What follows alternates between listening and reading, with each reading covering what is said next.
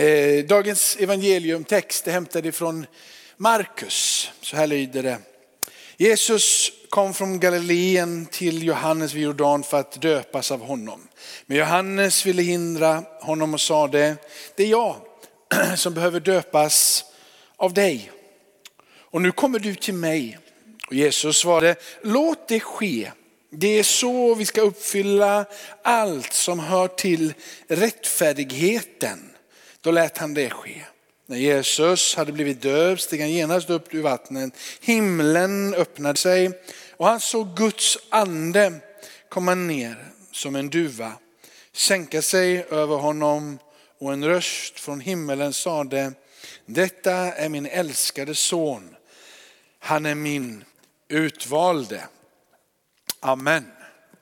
Det är nu på riktigt som, som, som kyrkåret börjar, höll jag på att säga, det gör det ju inte egentligen, men det, det är väldigt förunderligt att första advent som är startskotten på, på, på, på kyrkans år, eh, helt plötsligt så hoppar det ifrån den här julens budskap eh, och så försvinner det 30 år ganska snabbt. Eh, han, han går från att vara en liten bebis till att bli en fullvuxen man på en vecka. Så, så ja, amen. Det går snabbt där. Så, så Jesus är någonstans runt 30, 30 år när vi stiger in i den här, i den här tiden. Och dopet är en, det, det är något förunderligt som händer där. Jag, jag, jag tror inte att vi som um, vi som inte har en sakramental teologi, vi som är frikyrka, vi som är, eh, är evangelikala och tro allenast och skriften allenast och Gud allenast och sådär och liksom bara håller sig till att vara väldigt enkla och inte gör så mycket utav, utav det som den historiska kyrkan och eh, den traditionella kyrkan har, har gjort utav sakramentet. Du måste nämligen, för att kunna utföra sakramentet så måste du ha en ämbetssyn och då helt plötsligt så tror du på en kallelse där du är skild egentligen från folket och du ska betjäna folket folket med den kallelse du har fått, det tror vi också på. Men inte som en succession, en ordning given ifrån de högsta apostlarna och sen så en succession neråt till den tiden som är idag. Och utifrån det, du måste nämligen också ha ett lärosäte.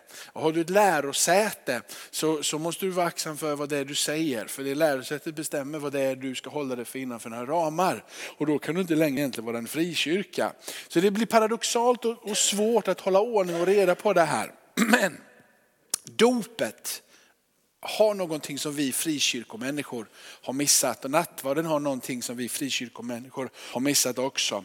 Ehm, det är någonting mer än bara en symbol. Varför vill jag hävda det? För att Jesus själv säger, gör detta till minne utav mig, gör detta till åminnelse utav mig. Detta ska ni göra, ni ska gå ut över hela världen, ni ska döpa dem i Faderns, Sonen och den heliga Andens namn. Och det lättaste sättet, för det är nog min teologi att passa in i det, för det är det vi, vi behöver göra. Hur passar detta in i vår teologi och hur, hur förstår vi vi vad dopet innebär eh, och ha det så högt och heligt som det är utan att göra det till ett sakrament. Att förstå att alla borde döpa sig, alla ska döpa sig men inte plocka bort våran, våran plats där, där, där, vi faktiskt inte behöver yttre medel för en inre förvandling utan tro förvandlar ditt och hjärta. Nu pratade jag väldigt snabbt och så ganska många olika saker men det går faktiskt att lyssna på det här efterhand i så fall.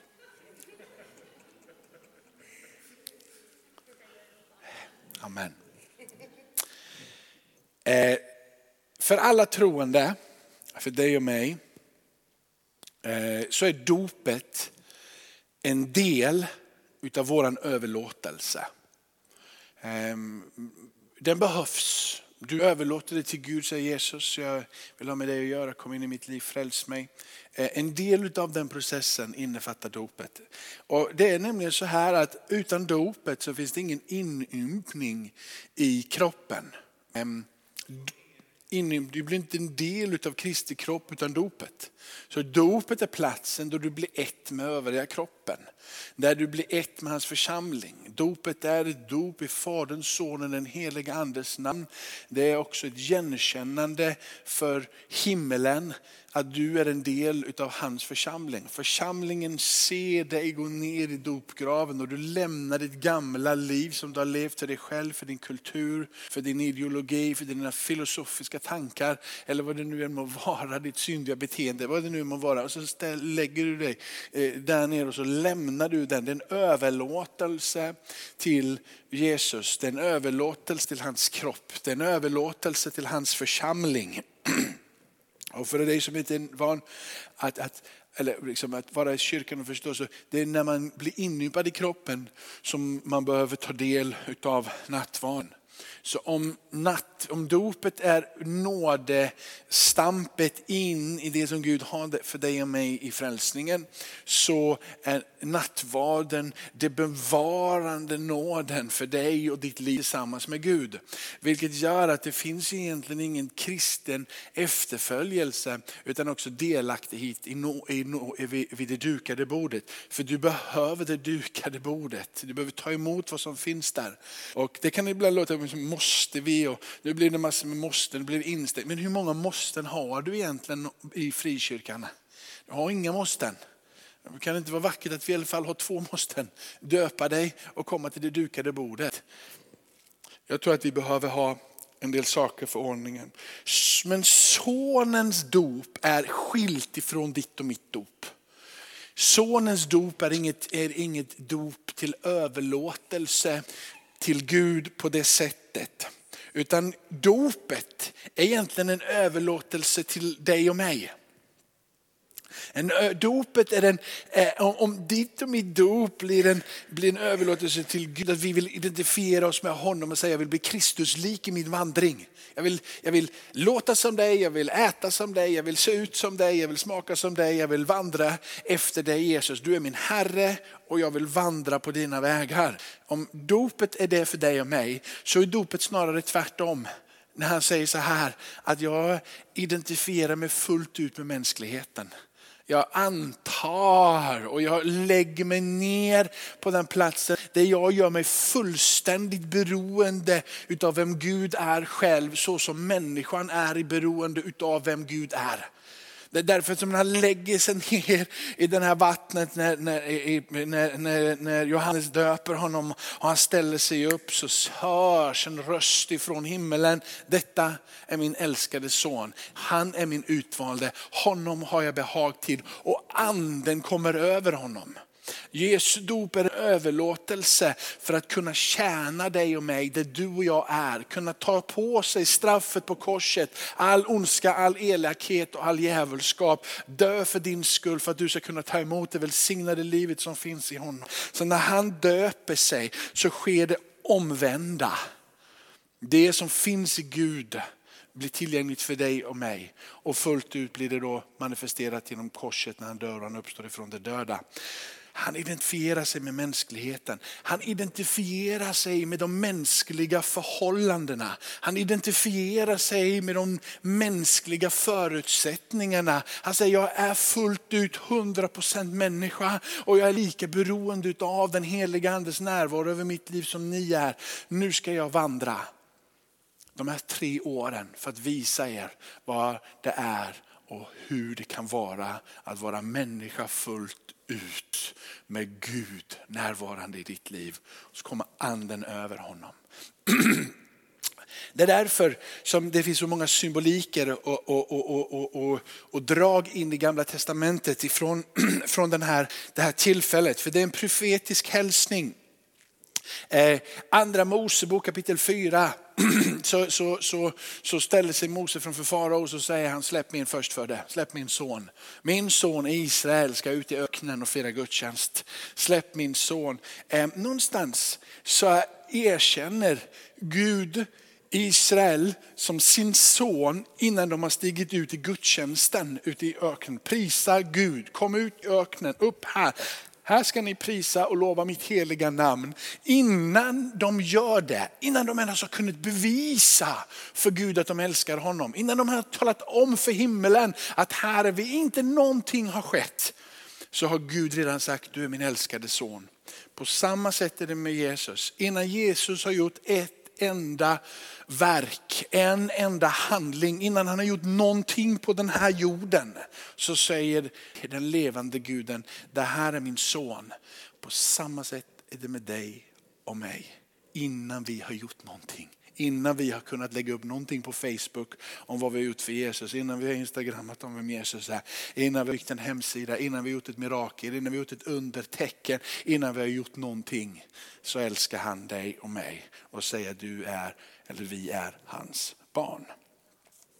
Så symbolikerna i Jesu dop mot det som har med hans, eh, hans utkorelse över Israel som son eh, ligger där bakåt. Men det är också en profetisk hälsning in vilka du och jag är i honom innan vi ens har förstått det själva. Innan vi ens har kunnat vandra i det. Så blir vi hans söner och hans döttrar, hans barn genom vår personliga överlåtelse till Jesus. Vår bekännelse om vem han är och en del av det är dopet.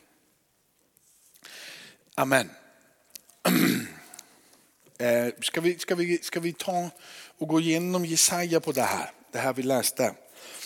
Um, innan, vi, innan vi går igenom Jesaja och pekar på, pekar på det här som jag egentligen sagt så, så vill jag ge ett uttryck för um, om, jag tror att meningen med livet generellt är att förstå att du är ett Guds barn. Ehm, jag tror att, jag tror att Innan du ens förstår att du är det så är du det. Ehm, och ehm, jag tror att, jag tror meningen eh, med det här är att vi ska eh, finna, eh, finna förståelsen att Gud har sett oss. Eh, att vi ska, vi ska kunna igenkänna att Gud har sett oss innan vi har sett honom. Jag tror att meningen med livet är att Gud vill röra vid ditt hjärta, att vi ska förstå vem han är och att vi i andra andetaget ska förstå hur mycket han älskar dig och mig. Och när vi har kommit till det första steget så finns det nästa steg och det är att det, det, om du nu har förstått att du är så här att Jesus vet vem du är och att Gud vet vem du är och att han vill att du ska vara med honom och du har förstått det. Så är nästa steget med detta liv här på jorden det är att ständigt och jämt fyllas utav hans ande. Att eh, ställa dig på den platsen där han kan röra vid ditt hjärta. Precis på samma sätt som han gjorde med Jesus. Så om och om igen efter att Jesus har gjort himmelsfärden. Så han, eh, eh, så han, innan han gör himmelsfärden så lovar han att när ni ber till Fadern om någonting i mitt namn så ska jag utgjuta över min ande över era liv. Efter himmelsfärden, han sätter sig på Faderns högra sida. Så går det bara några dagar så kommer anden på pingstdagen. Och efter pingstdagen så finns det ett ständigt pågående av uppfyllelse utav de profetiska orden. Att du och jag i den här tiden kan få erfara Gud på insidan. Och därför så är det så här, att mötet med Gud, det är en upplevelse. Ehm, mötet med Gud är din högra hjärnhalvas liksom del. Din vänstra hjärnhalva är den som är bra på att förstå saker och liksom analysera saker. Och din högra del den är lite mer intuitiv och liksom går på känsla mer och kopplar ihop med det där. Och så drar du, drar du åt det hållet. Liksom. Ehm, det, det, är så här att upplevelsen med Gud är där. Eh, hela världen styrs av känslor. Gud har lagt ner det i oss. Hur mycket vi än vill att vi inte ska vara styrda av känslor så kommer vi alltid vara styrda av känslor. Ehm, det finns eh, alla, alla tekniska lösningar som finns är först och främst drivna av en känsla. Allting som det finns av teknik, allting som det finns av ordning och reda, som egentligen det finns ingen passion bakom det där och ingen känsla bakom det där och ingen, inget känsloliv bakom det. Det är bara en typiskt, eh, liksom, det är bara en funktion. Det är en ingenjör som har suttit bakom ett skrivbord. Vad var det då som gjorde att den här ingenjören valde att göra just detta? Vad var det som fick den här eh, uppfinnaren att gå åt det här specifika hållet? Vad var det som gjorde att de började kunna operera in mikrochips i huvudet som, som, som kan hjälpa till att styra våra kroppar? Det finns 400 000 människor idag som har ett chips inopererat i huvudet som öppnar örat för att du ska kunna höra, koppla ihop nervtrådar för att du ska kunna röra din kropp och så vidare. Det är 400 000 människor som har det. Och det startade med att det fanns någon som hade passion, en längtan. Jag vill att det här ska fungera. Jag drömmer om det här. Jag vill det här. Hela livet styrs av en känsla, en längtan, en passion. Jag tror att vi är skapade till Guds avbild. Jag tror att Gud har lagt ner den drivkraften i dig och mig. Han letar efter ett folk som är fyllt av passion, längtan, en övertygelse. Jag är villig att gå det här hållet, att utforska det här. Den här drivkraften, den här passionen använder Gud även när det kommer till att möta med sitt folk. Jag längtar efter Gud, jag söker efter Gud. Det finns någonting i dig och mig och min passion och vår drivkraft som gör att du och jag dras åt det hållet där Gud är. Därför så är det för mig fullständigt klart att Gud och mötet med Gud är i grund och botten en upplevelse. Du måste få erfara vem Gud är. Däremot är tron inte en upplevelse. Tron, det är en vandring. Tron är på något sätt en resa. Den är upp i känslorna och den är ner i känslorna. Den är ibland, jag vill kasta av mig här och ibland jag vill resa mig upp i det här. Tron är på något sätt bortanför känslorna. Tron är livet tillsammans med Gud. Upplevelsen blir platsen då du stiger in tillsammans med Gud. Men tron är en resa. Tron är en vandring. Ungefär så här, man, man är inte frälst utan man blir frälst. Det är någonting som är pågående. Det är någonting som har hänt. Det är någonting som händer och det är någonting som kommer att hända. Frälsningen skedde på korset för alla människor i alla tider till och med för dem som hade dött innan Jesus dog på korset så ligger det försoningen mellan himmel och jord där. Det är som om att frälsningen på korset är förbi tid och rum.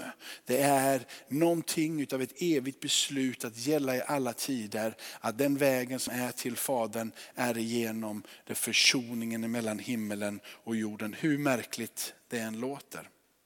Jag tror inte heller kanske att det finns så mycket av själavård att få i den här världen som kan hjälpa dig och mig att komma vidare. För dig som gillar att sitta med terapeuter och så vidare så är det bra. Jag tror man kan ventilera olika saker. Men Bibeln talar om att det finns en som vill själaleda dig.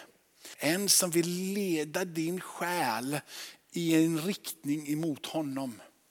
En som vill röra dig så på djupet av ditt inre så det inte längre finns ord att säga utan bara en överlåtelse till Gud är. Frälst blir man genom att den dagligen uppfyllas av den heliga ande.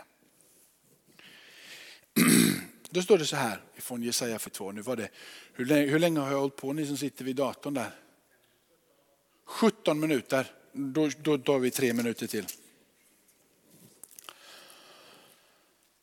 Se min tjänare som jag uppehåller, min utvalde, i vilken min själ har sin glädje. Jag skulle låta min ande komma över honom. Och Det är det som sker när Jesus stiger ner i dopkraven. Hans ande kommer över honom. Och vad ska han göra? Han ska reda ut rätten bland folken. Och, att breda ut rätten bland folken eh, är sammansvetsat med det som Bibeln talar om, den rätta vägen eller Herrens väg. Så rätten här är inte en stadfästning utav lag och ordning.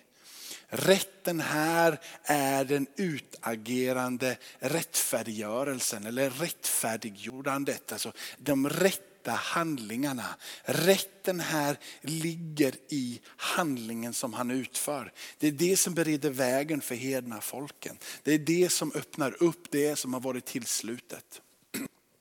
Vi vet att förkunnelsen är ord och handling. Det kristna livet är ord och handling. Men ord som ehm, i biblisk, ta ordet som diakoni i Bibeln, att tjäna och hjälpa till, kan ju vara ett politiskt korrekt ord för att hjälpa ett samhälle att dras åt ett rätt håll.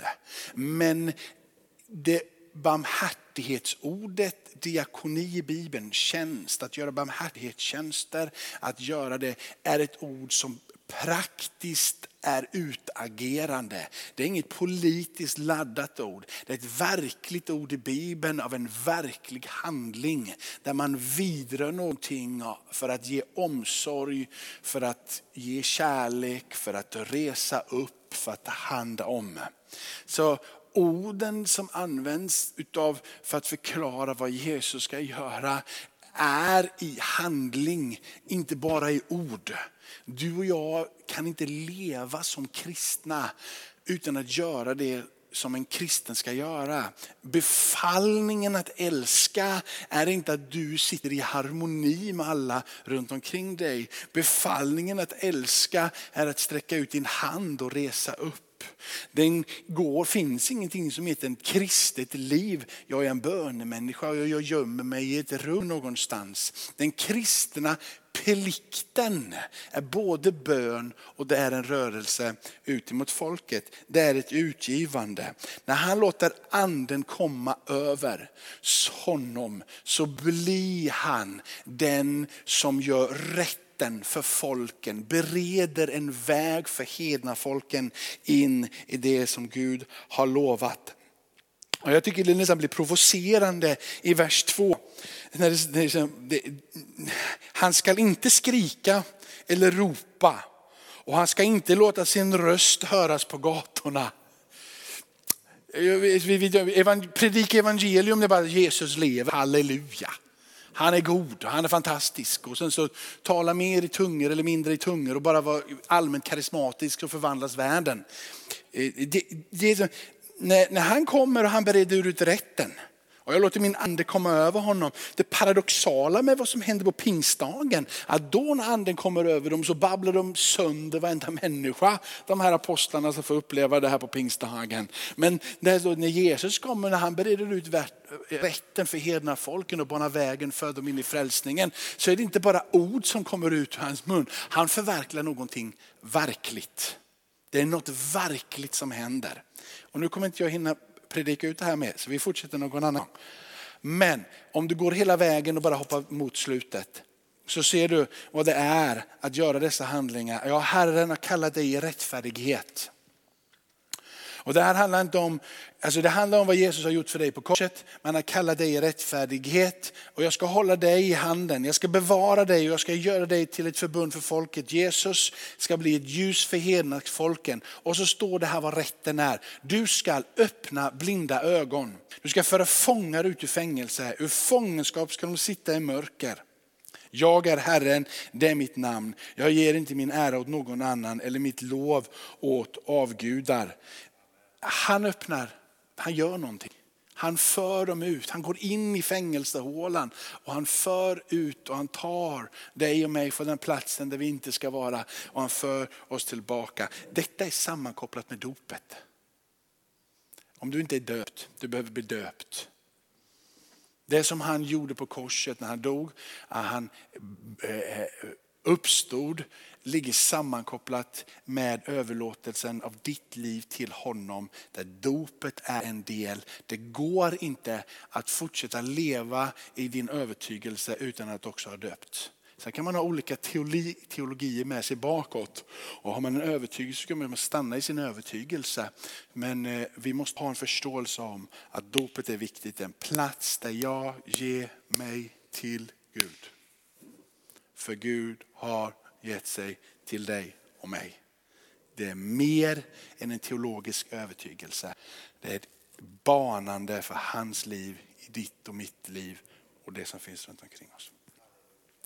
Tackar dig Fader i himmelen för att vi får på den här platsen börja förkunna eh, ditt ord, eller att vi får förkunna ditt ord. Att vi får komma tillbaka till vad ditt ord säger och att vi får utforska i skriften och att vi får låta din ande leda oss in i djupare och djupare, starkare och starkare övertygelse om hur du verkar i den här tiden. Herre, och vi ber Herre, hjälp mig och hjälp folket här som predikar och förkunnar att inte krångla till olika saker utan klarlägga och klargöra vad det är du vill, se, vad det är du vill säga. Och jag ber Herre, kom en övertygelse över oss oss alla om hur viktigt dopet är. Amen.